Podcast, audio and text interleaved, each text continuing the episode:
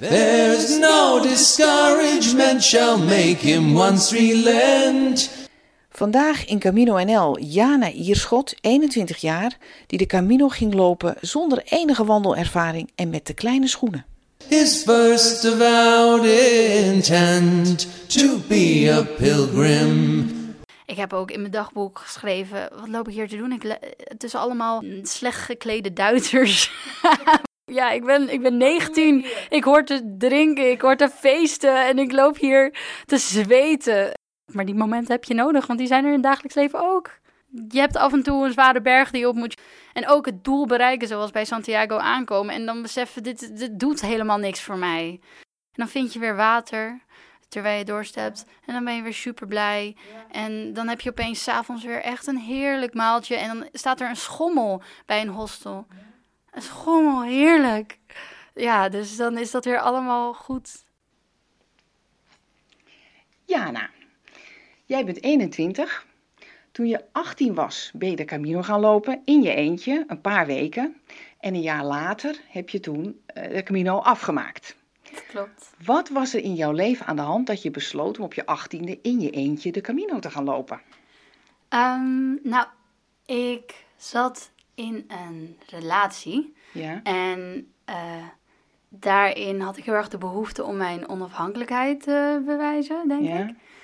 Eh, dus toen mijn toenmalige vriend zei dat hij die vakantie op vakantie ging met zijn vrienden en eh, allemaal leuke dingen ging doen, maar mij nergens voor vroeg, toen dacht ik: oké, ik laat wel eventjes zien dat ik hem niet nodig heb. Ehm, dus zijn broer had de Camino gelopen, ja. De Del Norte. En ik ben vroeger op vakantie geweest aan de Spaanse kust en de Noordkust. En ik weet wel dat ik dat, dat ruigen daar heel mooi vond. Eh, dus ik wou daar wel naar terug. Dus het leek me eigenlijk wel een goed idee om dan maar gewoon twee weken daar te gaan lopen. En ehm, dat ben ik toen gaan doen. Ja, Hoe zag je voorbereiding eruit? Eh, mijn voorbereiding was eigenlijk vrij minimaal. Ik ben langs geweest bij zijn broer om eh, te vragen hoe hij dat gedaan had en hoe dat werkt met alle herbergen en ja, hoeveel geld moet je ongeveer meenemen. Ehm, ik ben naar een sportzaak gegaan, naar Carl Denig, dat zit hier eh, in Amsterdam. En ehm, daar ging schoenen halen, een goede rugzak, veel over gaan lezen op websites. Ehm, en maar gewoon gaan. En wat trok je aan in die Camino? Waarom koos je de Camino? Je had ook iets anders kunnen doen. Dat is waar. Ehm, ik had altijd moeite met alleen zijn. Ja, En ik zag daarin wel een uitdaging. Ik dacht, misschien moet ik juist doen datgene wat ik eigenlijk heel eng vind. Alleen zijn. En nou ben je eigenlijk op de Camino niet heel veel alleen. maar dat wist je toen nog niet. Maar dat wist ik nog niet. Nee, maar ook genoeg momenten wel. Dus dat echt alleen iets ondernemen en sowieso ehm, dat, dat onafhankelijkheid bewijzen was wel iets wat je een beetje kon doen door zoiets te gaan doen. Dus voor jezelf, maar ook tegenover die jongen. Ja, ik was heel erg bezig met wat anderen Was je kwaad vonden. op hem? Ehm, nou, het ging eigenlijk ook uit twee maanden ongeveer voordat ik die Camino ging lopen. Dus ik moest hem sowieso nog, ja, ik moest het maar gewoon gaan doen zonder dat ik hem iets daarmee te bewijzen had. Oké, op dat dus eerst had je het bedacht en toen ging het even goed uit en toen ben je het natuurlijk gewoon alsnog gegaan. Alsnog gegaan, ja. Oké. En, maar jij was dus bang om alleen te gaan. Dat hebben heel veel mensen, vooral vrouwen, die in hun eentje de Camino gaan lopen, denken allemaal, oh, oh, oh, gaat dat allemaal maar goed? En je had je dus eh, een beetje voorbereid, je bent met iemand gaan praten. En was je toen gerustgesteld? Of zat er toch nog steeds een beetje, hmm, Nou, het alleen zijn, ik was niet per se bang, eh, omdat ik een vrouw ben, dat er, dat er misschien iets De de zou bosjes, gebeuren. ja. Nee, ik was meer bang om alleen te zijn met mijn eigen gedachten, Ah. denk ik. Dat, ik eh, dat vond ik heel eng. Tijdens de Camino heb je geen afleiding. nee. Je bent aan het lopen en ja, hier thuis, als je je even niet zo fijn voelt, dan kijk je op je telefoon en dan kijk je weer een serie. En dat doe ik nog steeds heel vaak, maar af en toe moet ik er even uit. Om, als je acht uur achter elkaar loopt, dan, dan, ja, dan moet je er maar mee dealen wat er in, je, in dat hoofd omgaat. Ja, Daar was ik bang voor. oké. Nou, daar gaan we nog wel even op terugkomen. Vertel hoe het ging die eerste keer. Ehm, ik kwam aan in een stad, die heet Santander. Daar eh, vloog, eh, vloog Ryanair op, dus dat eh, was voor mij handig. Ja, En ehm, ik kwam in die stad en ik had eigenlijk mezelf voorgenomen... ik ga meteen naar het volgende dorp lopen als ik aankom. En dat eh, ja, was één groot chaos. Ik kon de pijlen niet vinden. Ik, ik, ik wist niet waar ik eten kon halen, want er was siesta en eh, eh, alles was dicht. En toen kwam ik uiteindelijk bij die herberg aan. En ik was natuurlijk vermoeid na mijn hele reis, want het, ja, ik had die dag nog mijn vlucht gehad. En toen was de herberg vol. Leuk begin. Ja, ja dus eh, huilen en, en eh, ik dacht, waar ben ik aan begonnen? Wat doe ik hier? dat, zo En begon het. toen? Ja, toen de eerste drie dagen waren echt heel erg zwaar. Ehm, Waarom? ik liep mijn eerste dag 33 kilometer Oh. en ik had geen voorbereiding gedaan. oh. Ehm, Wist je dat 33 kilometer best veel was? nee, Oh. het was niet mijn plan. Alleen ik liep met een oude dame mee eh, en die wou het risico niet nemen om een stuk over het spoor te lopen. Dus die zei, we doen een omweg. Die omweg bleek eh, 16 kilometer te zijn. en op die manier kwam ik eh, ook de eerste dag was ik aan het huilen van de pijn. ehm, en ik kwam in de tweede herberg aan en ik dacht, oh, wat. Ik, ik dacht echt dat ik naar huis, huis zou gaan binnen een week Ja. dat ik het niet zou redden. Na drie dagen ehm, was ik ook op het, had ik het punt bereikt eh, dat ik mijn ouders zou bellen. Om te zeggen, ik ga een bus nemen, ik neem een vliegtuig naar huis. Want dit doet zoveel pijn, ik snap hier de lol niet van. Dit gaat mij niks brengen. Ja. En op het moment dat ik dat vertelde aan ehm, de twee jongens waar ik op dat moment mee liep... begon ik te huilen en dacht ik, hè?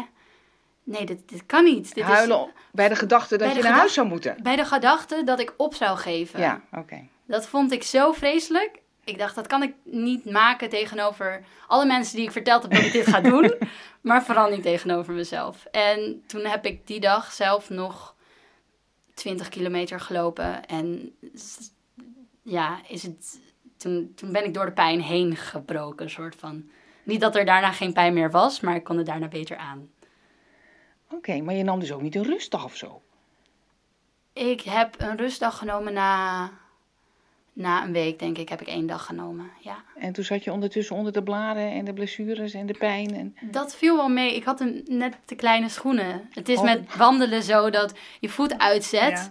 En, eh, Hadden ze niet verteld bij Carl Denig? ehm, nou, niet zo duidelijk dat ik het... eh, ja, nee, ze waren te klein. Ze waren te klein. Eh, dus dat, dat deed nogal veel pijn. En het was veel asfalt waar je over liep. Ja. En met hitte, het was ook warm, is dat echt fataal voor je Ja. voeten. En wat heb je toen gedaan aan die schoenen? Niks. Gewoon Of, maar het was, ik liep maar twee weken dat eerste jaar. Dus Ja. dat was te overzien. Ja, ja, dus je hebt echt ontzettend moeten afzien. Vreselijk afgezien. En waarom ging je, ging je door? Omdat je jezelf eigenlijk niet kon verkopen om weer terug te gaan? Was dat de belangrijkste reden? Dat is wel een, een grotere, ja, dat is zeker een reden. Ook ehm, volgde mijn examenjaar. En Ja, ik heb nogal wat moeite gehad met school. ja. En ik dacht, als ik dit nou aan kan, Oh. Dan kan ik misschien ook volgend jaar wel aan.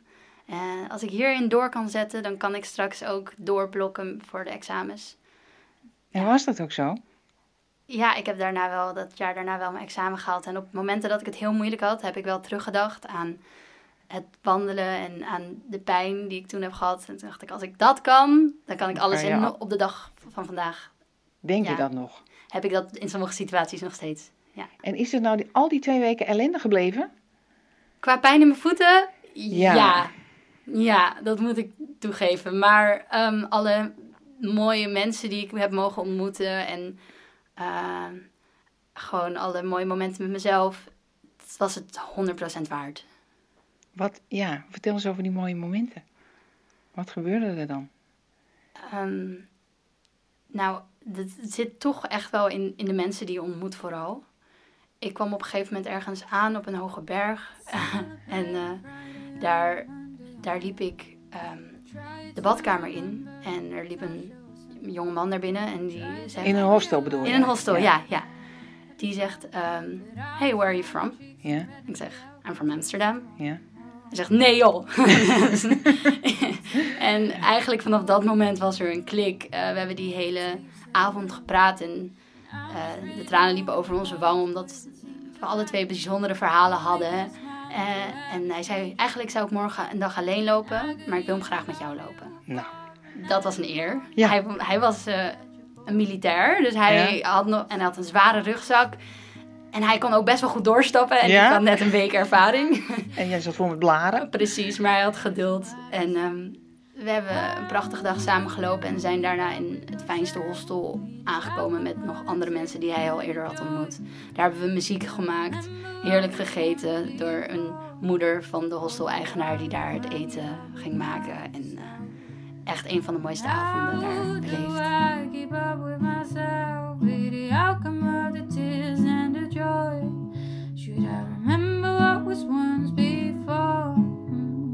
How do I keep up with myself? How do I keep up with myself? How do I keep up with myself? Daarna heb, heb ik hem een tijd niet gezien. Ja. Ehm, en eh, liep ik door met andere mensen die ik steeds weer ontmoette. Eh, die laatste paar dagen waren nog best wel pittig. Eh, ook lange afstanden. En ik liep met, vaak met mensen mee die al een heel deel van de Camino hadden gelopen. Wat ik nog, ik was pas een week bezig, zij misschien al meer dan een maand. Eh, dat zorgde wel dat hun tempo een stuk hoger lag. Maar ja, het is toch fijn om af en toe een wandelgenootje te hebben. Dus En zo zijn die twee weken omgekomen. die twee weken kwamen om uiteindelijk. En toen kwam je weer thuis. En toen kwam ik thuis. En hoe was het toen thuis?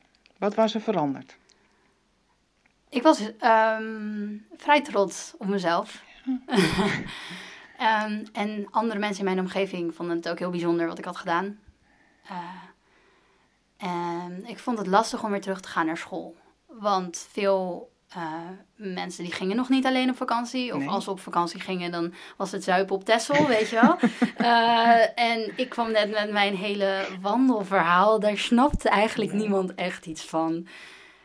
Ik ben in dat jaar ook niet veel naar school geweest, moet ik toegeven. Eh, ehm, maar ik vond het heel lastig om nog door dezelfde hallen te lopen als twaalfjarige schreeuwende kinderen. Terwijl ik net zo'n ervaring achter de rug had. Dat, dat lukte gewoon niet. Thuiskomen is het moeilijkste, hè? Thuiskomen is heel lastig. Maar ik wist dus dat ik hem af ging maken het jaar daarna. En dat was zo'n fijn vooruitzicht Ja. dat het wel lukte. En heb je toen je examen gehaald? Ik heb mijn examen gehaald. Ja. En denk je dat dat ook met de Camino te maken had? Want jij dacht onderweg de hele tijd, nou als ik dit kan, kan ik ook mijn examen wel halen. Was dat ook zo? Althans, had het er iets mee te maken, denk je? Ehm, het doorzettingsvermogen, wat je af en toe echt wel nodig hebt tijdens het studeren voor een examen. Eh, dus dagen doorbrengen in de OBA, bijvoorbeeld. Dat ehm, is wel beter gegaan. Daar heb ik me beter toe kunnen zetten door het lopen van die twee weken. Van de En je hebt het dus ook gehaald. Ik heb het gehaald. In één keer. In één keer. Heel goed. Ja, dat was ook echt wel nodig na zeven jaar. En toen ging je studeren, neem ik aan. Nee. Oh nee? Nee. Ehm, nou, het grappige was, iedereen eh, die geslaagd is... In Amsterdam is dat heel erg bekend dat je dan... Ga je naar Mallorca. Dan ga je zuipen en eh, feesten. En dat is een beetje de cultuur die er heerst. En ehm, soms werd ik meegevraagd. En sommige mensen, ga je ook? En, nee, ik ga naar Santiago lopen. Daar Dus na je eindexamen ging je weer de Camino lopen. Ja, Ja, ja, oké. nu alle... Wat had je trouwens voor plan B als je niet je examen gehaald zou hebben? Wat had je dan gedaan? Was je dan ook gegaan? Dan was ik ook gegaan. Oké, even goed. dan was ik even goed gegaan. Ja. Want ik had het heel. Ik eh, zat toen echt in een eh, negatieve plek in mijn hoofd. Eh, het ging echt niet zo goed. Ehm, die eerdere relatie die was weer aangegaan en weer uitgegaan. En ehm, toen ik hem verloor, toen verloor ik eigenlijk ook een groot deel van mezelf. Je zelfvertrouwen. zelfvertrouwen. En mijn hele zelfvertrouwen hing af van hoe hij over mij dacht. Dus toen hij uit mijn leven verdween, toen herkende ik mezelf gewoon niet meer in de spiegel. Eh, ik, had, ik, had ook, ik voelde geen trots toen ik mijn eindexamen had gehaald. Ik voelde überhaupt geen trots meer. Ik werkte in een nachtclub. Ik, was, ik leefde s'nachts en sliep overdag. Ehm, en ik had het gevoel dat de Camino mij een soort van kon redden. Ja? Ja, dat daar lag mijn hoop. Ja? Oké. Dus toen ging je. En je ging niet alleen omdat je had, voor, je, had, je had voorgenomen, maar ook omdat je er grote behoefte aan had. Ik had er hele grote behoefte aan. Oké. Dat zei ik ook tegen mijn ouders. Dat is wat ik moet doen. En mijn Ja. ouders dachten... weet je het zeker. Je kan echt elk moment nog zeggen, ik ga het niet doen. Ik, mijn voorbereidingen waren ook allemaal in de laatste paar dagen voordat ik ging. Ik heb mijn busticket eh, de avond van tevoren gekocht. Wat niet slim is, want dan is het echt tien keer duurder. Maar Oh, goed, ja. ik moest gaan. Ja. Eh, en eh, toen ben ik de bus ingestapt. 24 uur in de bus gezeten. En dan ben je in Noord-Spanje. En ehm, toen, zijn we, toen leerde ik al meteen eigenlijk op het station in Brussel... leerde ik een andere pelgrim kennen. ja. Op weg naar dezelfde plek natuurlijk, want hij zat in dezelfde bus. Plek. Ja, ja. Ehm, en toen stopten we bij een tankstation. Een uurtje voordat we eh, aan zouden... eh, een half uur voordat we aan zouden komen in de stad... waar wij uit zouden stappen. En toen beseften we dat dat eigenlijk veel dichterbij was... bij de stad waar we wilden beginnen. Dus zijn we vanaf een tankstation... eh, Al begonnen. al begonnen. Ja. Oké. ja, heel grappig. Ehm, en dat was... De, ja, de eerste dagen waren weer heel zwaar. Ik dacht, ik kan het nu wel beter aan. Had je diezelfde schoenen weer? Nee, ik had nieuwe schoenen gekocht. en, had eh, je geoefend? nee, Nee. ik had niet geoefend. Mijn conditie was slechter dan ooit. Ik- Ook door dat examen en zo. ja, en omdat ik dus in een nachtclub werkte, had ik een heel Oh. ander dag- en nachtritme. Oh. En veel drank en Oh, dat soort dingen. Dat speelt allemaal een rol. Dus dan is je conditie echt niet op zijn best. Nee, nee. Nou, vertel over, over die tocht. Ehm, die tocht heeft mij dingen geleerd waar ik nog steeds veel aan heb, heb ik het gevoel. Ja. Wat ik dus al zei is dat eh, mijn zelfvertrouwen was er gewoon niet meer. Nee. En ehm, ik heb daar, daar struggelde ik dus met al die negatieve gedachten. En op een gegeven moment liep ik een berg op. Het was heel warm, eh, midden op de dag. En eh, het voelde, al, al mijn spieren waren zich aan het inspannen. En ik voelde eigenlijk, het voelde alsof er allemaal energiebanen in mijn lichaam tegen elkaar aan, aan het duwen waren. Was dat pijnlijk of juist prettig? Ah, dat, dat was, dat weet ik niet. Het, had niks met pijn of prettig gevoelen te maken op dat moment. Ehm, maar ik liep naar boven en het- ik kon eigenlijk niet meer. En op dat moment schoot er iets in mij los. Als een soort energiebaan die losschoot. En ik begon te huilen, te huilen, te huilen. Ik kon niet meer stoppen. En ik wist ook niet waardoor het kwam. Het was niet één gedachte. En opeens kwam er van alles los. Eh gedachten als, waarom ben ik zo onaardig geweest tegen mezelf afgelopen tijd? Ehm, ik heb niemand anders nodig om van mezelf te kunnen houden. Ik voelde voor het eerst de trots dat ik mijn eindexamen had gehaald. Terwijl dat is inmiddels, dat was drie maanden later. Dat was echt heel belangrijk. eh, ja, om, om trots op jezelf te kunnen zijn, is heel essentieel. Eh, om dingen te kunnen bereiken in het leven, denk ik. Ja. En dat heb ik op dat moment echt voor het eerst zo bewust Voor het eerst ervaren. in je leven? Wel bewust, ja. Ja, ja. Misschien dat je dat als kind hebt, maar vaak hangt je zelfvertrouwen toch af eh, van wat andere mensen tegen je zeggen. Als andere mensen Ja. zeggen, je doet het goed. Ik liep die Camino in eerste instantie ook ergens om, omdat ik me wou bewijzen tegenover mijn ex, tegenover mijn ouders. Kijk, kijk eens wat ik doe. Maar ook tegenover jezelf? op dat moment dus nog niet. Maar toen ik, toen ik die doorbraak had, toen besefte ik, ik kan dit helemaal niet op alleen maar bevestiging van anderen. Ik kan dit alleen op mijn Oh, eigen kracht. Ja, Oké. dus dat, vanaf dat moment ging het wel een stuk, een stuk beter ook, het wandelen. ehm, omdat er gewoon minder negativiteit in mijn hoofd zat en meer trots. Dus ik ging met meer glimlach. En dat, eh, had je dag ook, dat merkte je ook onmiddellijk. Toen die huilbui afgelopen was en je ging weer verder, voelde je je een ander mens. Eh, ik denk dat dat besef later pas echt zo is gekomen. Als ik erop terugkijk, dan zie ik zeker wel een verschil. En natuurlijk gaat alles in ups en downs. Dus het is niet dat vanaf daar alles perfect ging. Nee. Maar als ik erop terugkijk, ben ik sinds dat moment zeker, ja, is er echt iets in mij veranderd. Oké. Nou, ondertussen, je, je liep dus door. Ja, Ja. ik liep door. Maar wa- was je opgelucht? Was het pff, opeens anders? Had je minder blaren? Of, wat merkte je voor verschil? Ehm, even kijken, wat merkte ik voor verschil? De communicatie met andere mensen ging beter.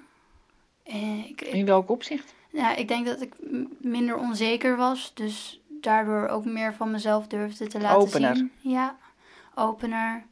Ook beter werd ik in, in het luisteren naar mijn lichaam. Ah, Dat Oh ja. is wel iets wa- wat, wat, waar ik ook nog steeds wat aan daar heb. was je iedere keer dwars doorheen gegaan. Precies. Tegenin eigenlijk. Precies. Ja. En, en eigenlijk tegen jezelf zeggen, als je nu niet verder gaat, dan ben je een mietje. Of dan, Oh. dan kan je het niet. Ehm, en vanaf dat moment, als ik een pauze nodig had, dan nam ik die pauze. Zonder de hele tijd tegen mezelf te zeggen, wat doe je? Ja, precies. Precies. Dus wat liever inderdaad tegen jezelf zijn. Dat is wel een belangrijk inzicht. Dat is eh, heel belangrijk. Ja, dat, dat is voor altijd belangrijk. Ja, Ja, lief tegen jezelf zijn. ja. Ehm, en vanaf daar, dus eh, je ontmoet nog steeds continu mensen. Ehm, maar uiteindelijk kwam ik dus bij het punt aan waar ik het jaar daarvoor was begonnen. Ja, En toen moest ik een keuze maken. Wat was de keuze?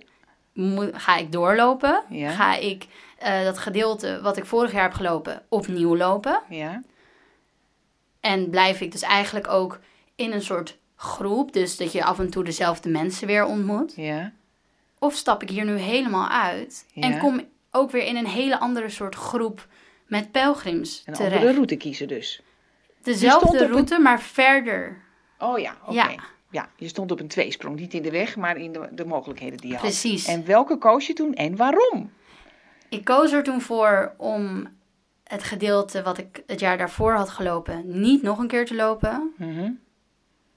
Omdat ik dat gedeelte eh, eigenlijk helemaal niet super mooi heb gevonden. Ja, Eh, omdat het veel af- asfalt was. En asfalt Ja. is gewoon echt niet fijn om de hele tijd overheen Ja. te wandelen. ja, En eh, omdat ik juist vond dat ik mezelf buiten een comfortzone moest plaatsen. En de comfortzone was inmiddels dat ik steeds dezelfde pelgrims weer tegenkwam. ja, Wat heel fijn was. ja. Maar eh, het was ook goed om daar uit te stappen en dan weer hele nieuwe mensen te leren kennen. ja.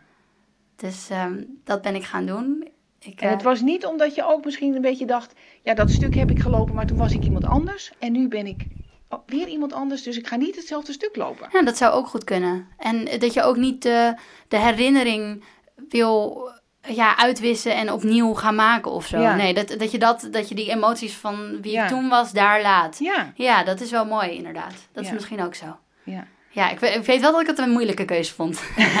ja. ja, er zat van alles aan vast. ja, precies. Ja. Ja. en op dat moment is het alles. Ja. Dus toen heb je een stuk overgeslagen. Toen ben je verder gegaan waar je eerst was opgehouden. Precies. Oké, Ja. en toen? Ehm, nou, dat was best wel bizar. Eh, op, eer- op mijn eerste dag lopen, toen liep ik de Primitivo. Toen ben ik de Primitivo gaan lopen. Ja. Camino Primitivo gaat wat meer door eh, nou ja, heuvels. eh, het is wat bergaf. Zwaarder. Dus ja, dat Ja. wordt wel gezegd. Ja. Ik heb dat zelf niet per se zo ervaren, maar Mhm. dat wordt gezegd. Ehm, en ik begon met lopen en het was dus de eerste dag weer. En ehm, eh, ik kwam niemand tegen. Ik dacht, oh, de Camino Primitivo is heel rustig. Vond je dat fijn? Of Nee, ik vond het wel een beetje spannend, want ik liep langs allemaal garages en huizen en dingen waarvan ik dacht, oh ja, als, als hier iemand mij nu zijn huis binnentrekt, dan eh, ho- ja, hoort niemand mij. Ja, ja. Dus Oké, en hoe lang ben je toen nog bezig geweest vanaf deel 2?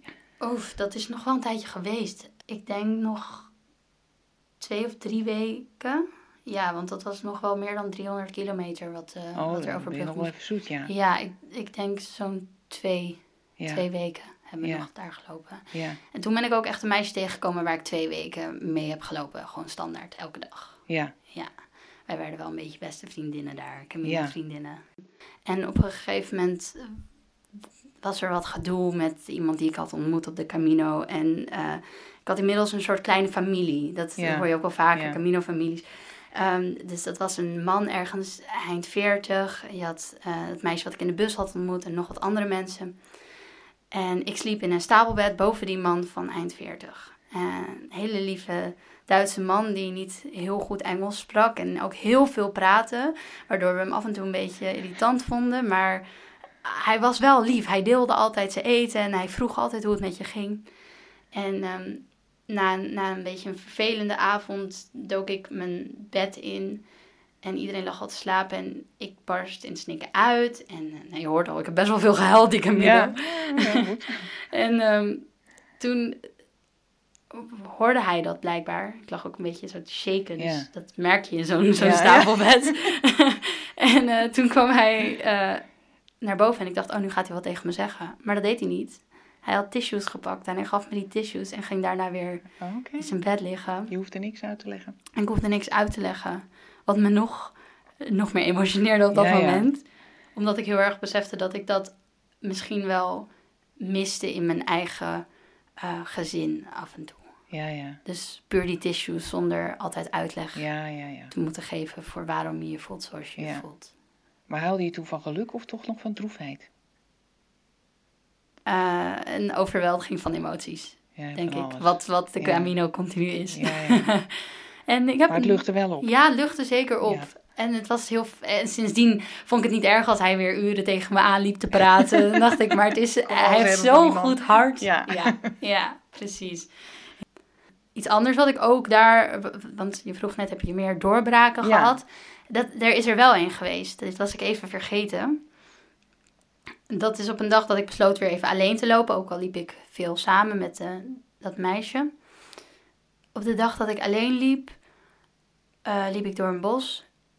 En ik besloot een gesprek te gaan voeren met mijn vader. Maar In gedachten, hè? in gedachten. Wel hardop eigenlijk. Ja, ik, deed, ik, ik voerde Ja. dat gesprek hardop. Zonder zijn aanwezigheid. Ehm, omdat er gewoon nog... Ik kwam net uit de puberteit. Ik zat er eigenlijk nog half in, kan je wel zeggen. Ja. En ehm, nou, iedereen heeft dan wel... Bijna iedereen heeft dan even een moeilijke periode met zijn ouders. En we begrijpen elkaar niet. En ehm, er waren veel dingen onuitgesproken.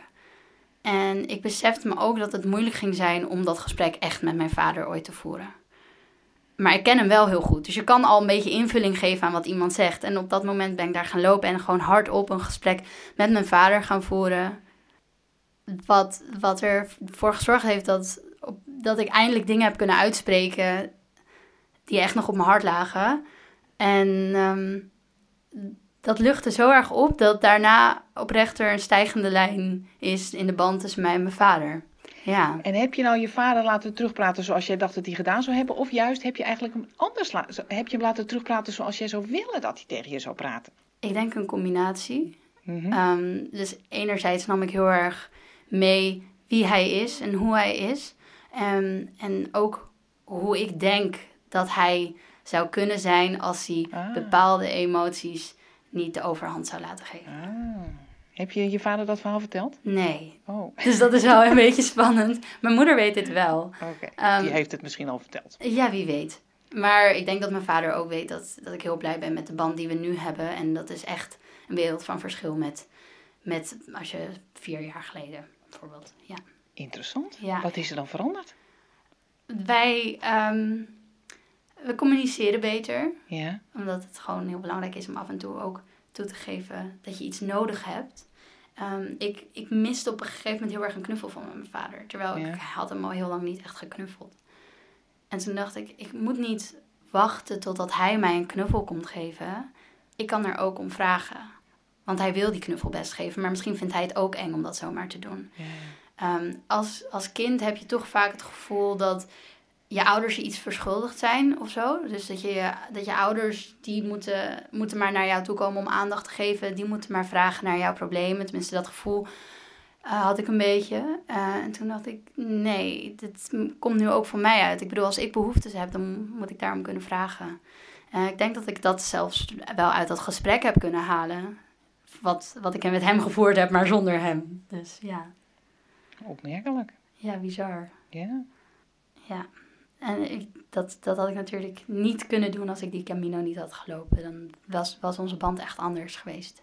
Ja. Maar ook hoe trots hij was en eh, dat hij daardoor heeft gezien dat ik niet meer een klein meisje ben, maar gewoon zelfstandig echt wel wat kan. En Ja. heeft je vader ook wel eens tegen jou gezegd: God, er is echt wel wat veranderd tussen ons, hè? Nee, dit, dit, Oh. dit is een beetje non-verbaal. het is een beetje non-verbaal, maar dat is prima. Dat, Je dat- merkt dat- het even goed. Dat wel. merk ik even goed. Dat, eh, we- hij praat niet zo graag, denk ik, over zijn emoties. Eh, dus dat heb ik even voor hem gedaan in dat Ja, bos. Ja. Heel goed. Heel goed. Oké, en waar zijn we ondertussen? Zijn we al bijna bij het eind? We zijn eh, al dicht bij het eindpunt, zeker. Ja? Ja. Wat gebeurde er bij jou toen je besefte dat je bij het eindpunt begon te komen? Eh, heel lastig. Ja. Wat ik in, eh, wat ik in eerdere podcasts van andere pelgrims dan gehoord heb, is dat, ehm, dat, die, dat, dat als je eenmaal Spanje binnenkomt, dan word je overladen met pelgrims en denk je, hallo. Eh, dat, dat gevoel had ik bij de Ja. laatste 100 kilometer. Ja, Want ja. dan komen er bussen aan met allemaal Amerikanen onder andere, best wel veel. Eh, gewoon mensen die de laatste 100 kilometer lopen. Want als jij dan de laatste Voor een 100 kilometer loopt, dan krijg je het papiertje. Nou, het protest heb ik dus ook helemaal geen papiertje uiteindelijk opgehaald. Ehm, ja, dat was heel... eh, dat was heel raar om te zien. Zoveel pelgrims en ook veel meer afval opeens onderweg. Echt vreselijk. Ja. Maar inmiddels hadden, nou ja, dat vriendinnetje van mij en ik, die hadden in, ergens in een klooster geslapen. Prachtig klooster. Ehm, dat was drie dagen voordat we in Santiago aankwamen. En daar hadden we twee jongens leren kennen. Nou, dat werden een soort van onze Camino-vriendjes. Eh, en eh, daarmee hebben we toen nog in een eh, weiland onder de sterren gewoon geslapen. Dus Oh. niet in een herberg. En ja, met hun hebben we uiteindelijk een appartementje ook in Santiago ge- gehuurd. Waar we even drie dagen hebben uitgerust. met z'n Oh, allen lekker heerlijk. uit eten zijn geweest. En eh, het gevierd hebben dat we het gehaald hadden. Heerlijk. Maar die laatste, die laatste dag besloten we allemaal om alleen te lopen. Ehm, en dat was heel fijn om die laatste dag eh, alleen te kunnen lopen. En het, de, laatste, het laatste kilo, de laatste kilometer ben ik echt gaan rennen. Omdat ik... Je, je wou ik, er naartoe. ik was zo excited. Eh, en ik had echt het gevoel, ze staan daar met als een soort, alsof er een fanfare komt, allemaal mensen die staan te klappen. En dat, dat, dat had ik verwacht. Ik had in mijn oortjes al een afspeellijst gemaakt voor, de laatste, voor het laatste half uur, omdat ik dacht, die muziek, Triomfmuziek. triomfmuziek, dit is het moment waarnaar ik heb toegewerkt. Maar wat een deceptie was dat. Ja, wel over de deceptie. Ik kwam dat plein opgerend. Helemaal blij. Ehm, en het eerste wat er gebeurt is dat er een soort toeristentreintje voor me langs rijdt. Waardoor ik Oh ja. niet het plein verder op kan rennen. Ja. En ik denk, hè? en het tweede wat ik zie is mensen in mooie jurkjes en mooie kleding foto's maken voor een Instagram. En, en mooi lopen doen. Terwijl ik kom daar met mijn zweetvoeten en mijn zweetkleren en mijn alles zweet. Kom ik daar aangerend. En ik dacht, kijk eens wat ik gedaan heb. Ja. Maar niemand ziet dat. Iemand was geïnteresseerd. En nou ja, ergens is dat natuurlijk ook wat het is. Je doet het dus niet voor iemand anders, maar alleen voor dat was jezelf. het, de hele moraal voor jou van de hele Camino. Precies, nou dat kwam daar wel weer eventjes heel hard terug. Ehm, ik heb toen mijn schoenen uitgetrokken midden op het plein. Toen ben ik even op mijn blote voet over dat plein gaan lopen. Naar, naar het plein gaan kijken, de mensen observeren. Er waren natuurlijk er komen veel pelgrims aan. Ja. En je ziet En mensen toeristen ook? Ook toeristen, heel veel toeristen. Maar ik keek vooral naar de pelgrims en mensen die elkaar omhelsden. Die elkaar een tijd niet hadden gezien. Mensen die elkaar daar komen eh, opwachten. Prachtig. Eh, het is een mooie kerk. Maar het ja, je ziet wel meerdere mooie dingen Ja. op de Camino. Het is, maar je ziet veel opluchting bij mensen en ehm, veel tranen. Eh, die tranen waren er bij mij niet. Ik was de eerste Ja, tien je minuten echt gehad? boos. Ik was Oh, echt heel boos. Op de toeristen en de rotzooi en de, de toeristenkerk. De deceptie, eigenlijk. gewoon, Deceptie. ja, Ja, maar dat was dus wat de Ja. toeristen en de troep. en al. Precies, ja. Ja. dat, Gadverdamme, dacht je. ik Is was dit echt nou? eventjes heel boos. Ik stond even te stampen op dat. Ja, ja. eh, want er stond ook al iemand op mij te wachten. En ik tegen hem uitvallen. Dit kan toch niet? Is dit het nou? Ja, ja. Ik wil door. Ja, ja. Oh, dat was het ook. Ja. Ja. Ik dacht, dus- als dit het is, dan, dan ben ik nog niet Dus klaar. de aankomst viel tegen, maar ook dat het afgelopen was. Daar was je eigenlijk kwaad over. Ja. Ja. ja, omdat je toch eigenlijk... Wat je verwacht is dat je echt, echt een heel ander mens bent. Maar dat was je al. Dat was ik al, maar dat had ik nog niet door. En ben je toen nog een beetje gebleven of meteen teruggegaan? Hoe ging het toen verder? Ik ben daar toen eh, een paar, eh, ik ben daar twee dagen denk ik gebleven. Toen had ik ook echt wel weer behoefte om te wandelen en ik was ook helemaal wel klaar met, het groep, met die groep. Ja. En ik ben toen verder gelopen in mijn eentje naar Muxia. Ja, dat was heel fijn om weer even helemaal alleen te kunnen zijn na al die tijd met andere mensen. En dat, was, eh, dat is prachtig. Dan kom je eh, weer bij zee aan. En de hele Primitivo, Camino Primitivo, loopt door de bergen. Dus je ziet geen zee. En daar was de zee weer. En het eerste strandje wat ik zag, dat lag ergens diep verscholen. Dus daar liep het pad van de Camino ook niet langs. Ehm, maar ik zag helder blauw water en een prachtig strandje. En ik dacht, oké, misschien als ik hier door het bos loop, als ik dit paadje inga, dat ik ergens kom. Dus ik kwam op een verlaten strand aan. Ik heb mijn kleren uitgetrokken en ik ben het water ingedoken. Ja. Het was een prachtige plek en dat was, eh, nou ja, ze zeggen dus dat je dan al je zondes ook echt van je af kan wassen. Dat heb je gedaan. Dat, dat heb ik gedaan. Ja, zo voelde dat. Ja, ja dat was heel fijn. Ehm, en toen kwam er een ander meisje aanlopen, dus ik moest snel het water uit om mijn kleren weer aan te trekken. Eh, ja, en toen kwam ik eh, bij Moexia en dat was, eh, daar staat een hele oude kerk op de rotsen. Mhm. Waar je ook de zonsondergang kan bekijken. En zo'n paaltje, want je volgt natuurlijk Nul. met 0,0 kilometer. Ja, dat is dan. Dat voelde veel meer als echt een einde dan, Dan dat plein. dan dat plein, dat overvolle plein. Maar zelfs toen ben ik nog wel naar Finisterre toe gelopen. Dus nog één dag is dat dan van Moexia naar Finisterre. Ja, Daar lag dan echt het einde, einde. ja. En toen ging je natuurlijk weer naar huis. Oei, En dan begint het moeilijkste eigenlijk, hè? Camino begint pas als je thuis komt, zeggen ze. dat eh, Ja, je zucht al meteen. klopt wel. Ja, dat was echt vreselijk. Sowieso een vliegtuig pakken na Ja. die hele tijd gelopen te hebben, voelt zo raar. Ja. Je bent, je bent zo weer thuis. Sta je opeens op Schiphol? Ja.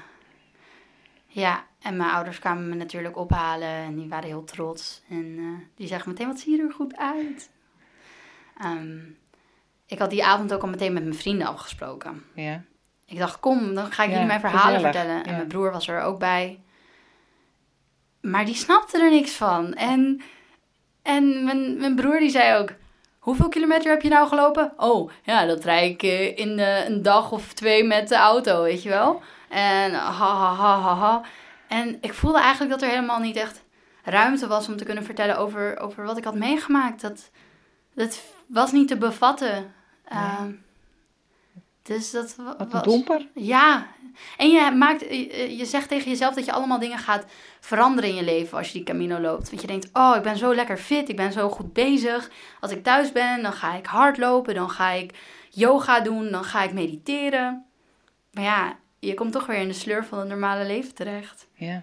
Maar je was evengoed wel veranderd. Ik was even goed wel veranderd. Heb je nou op yoga ging of niet? Ja, dat is zo. Ehm, dat merkte ik. Dat merk, dat, dat, maar dat is niet eh, dat mijn leven opeens makkelijk was of zo. Dat het Nee. allemaal heel, heel makkelijk ging. Ehm, ik, had, ik had geen plannen dat jaar. eh, dus ik zou nog niet gaan studeren. Ik zou een tussenjaar nemen. En dus ik moest op een gegeven moment ook weer gewoon aan het werk. Nou, toen ging ik De gewoon nachtclub weer? weer, weer de nachtclub in. Ja, ja, ja. En dat is natuurlijk zo'n wereld van verschil tussen eh, het, het publiek wat er in een nachtclub komt en de, het eh, publiek wat je ontmoet op een camino. Wat ik ook heel leuk vind hoor, want dat is, alle twee in, zijn interessante wereldjes. Maar de, die onbegrepenheid, die was er wel. Wat bedoel je met onbegrepenheid? Eh, ik kon het er niet met veel mensen Oh, dat. over Ja, hebben wat dat nou precies voor mij gedaan had. Ja. Dat, dat miste ik, want al die mensen die op de Camino ontmoet, die, Die snappen het al. die snappen het al. Maar wat ik wel wist, is dat ik meer wou wandelen. Dat, dat, dat, ik moest mijn mentale gezondheid onderhouden. Dat wat Ja. ik had opgebouwd daar op die Camino, dat kon ik niet zomaar weer naar de Gademiezen laten gaan. Nee. nee. Ja, wat ga je studeren? Humanistiek in Utrecht. Heeft dat ook nog, die keuze ook nog iets met de Camino te maken, denk je? Ik, Dat gaat toch ook over, het gaat over mensen. geestelijk leven, mensen, Ja. doorbraken, zelfontwikkeling en zo. ook veel over reflectie, Ja. gespreksvaardigheden. Ja, En op de Camino leer je wel ook echt naar iemand anders hun leven vragen. Je helpt, ja, je helpt elkaar ehm, een soort van pad wanen door, je- door, door elkaars hoofd. Dus eh, ja, dat, dat heb ik daar wel ook wel meegemaakt. Op jonge leeftijd vroeg je ook al dingen aan mensen van eind 40 over hun leven. En eh, dat werkte eigenlijk heel goed. Ja. En je raakt heel erg geïnteresseerd, want iedereen loopt die Camino ook voor hele andere redenen. Ehm, en hoe sterk mensen ook kunnen zijn om dat soort keuzes te maken. En mensen vonden mij vaak sterk omdat ik zo jong was en die keuzes maakte. En ik vond andere mensen sterk omdat ze opeens hun leven rigoureus omgooiden en alles verkochten om die Camino te kunnen gaan lopen. Dat is bizar wat je allemaal tegenkomt. ja. Wat is nou volgens jou het geheim van de Camino? Waarom hebben mensen dit soort ervaringen? Het geheim van de Camino is dat je naar jezelf leert luisteren. Denk ik. Dat, dat je zoveel tijd met alleen je eigen hoofd doorbrengt. En dat je natuurlijk loopt. Wat, en het is bewezen dat lopen zorgt voor traumaverwerking, voor gewoon positievere gedachten. En ehm, plus de, de vriendelijkheid die je ontmoet op de Camino. Mensen zijn zo, zo gul, zo. Ze hebben respect voor wat je aan het doen bent. En je komt in herbergen waar, waar de was voor je wordt gedaan, waar voor je wordt gekookt. En je mag gewoon zelf bepalen hoeveel je daarvoor wil uitgeven. Het, het is bizar. Ehm, en dat zorgt ook dat je weer een beetje gaat geloven in de goedheid van de mensen. Misschien Ja. ook daarin de goedheid van jezelf. Dat is denk ik het geheim van de Camino. Ja, dankjewel. Who would true valor see? Let him come hither. One here will constant be, come wind, come weather. There's no discouragement shall make him once relent his first avowed intent to be a pilgrim. Whoso beset him round with the dismal stories Wil je meer weten over de Camino? Kijk dan eens op de website van het Nederlands Genootschap van Sint-Jacob, www.santiago.nl. Suggesties voor deze podcast kun je mailen naar mij, post.johannakroon.nl. En als je deze podcast interessant vindt voor je vrienden, zou je er dan op Facebook een berichtje aan willen wijden. Het lied dat je hoort is een Engels pelgrimslied uit 1684, getiteld Who Would True Valor See, gezongen door Alistair Thompson op zijn CD Log Rise Revisited. Tot de volgende keer. be a pilgrim. Who would true valor?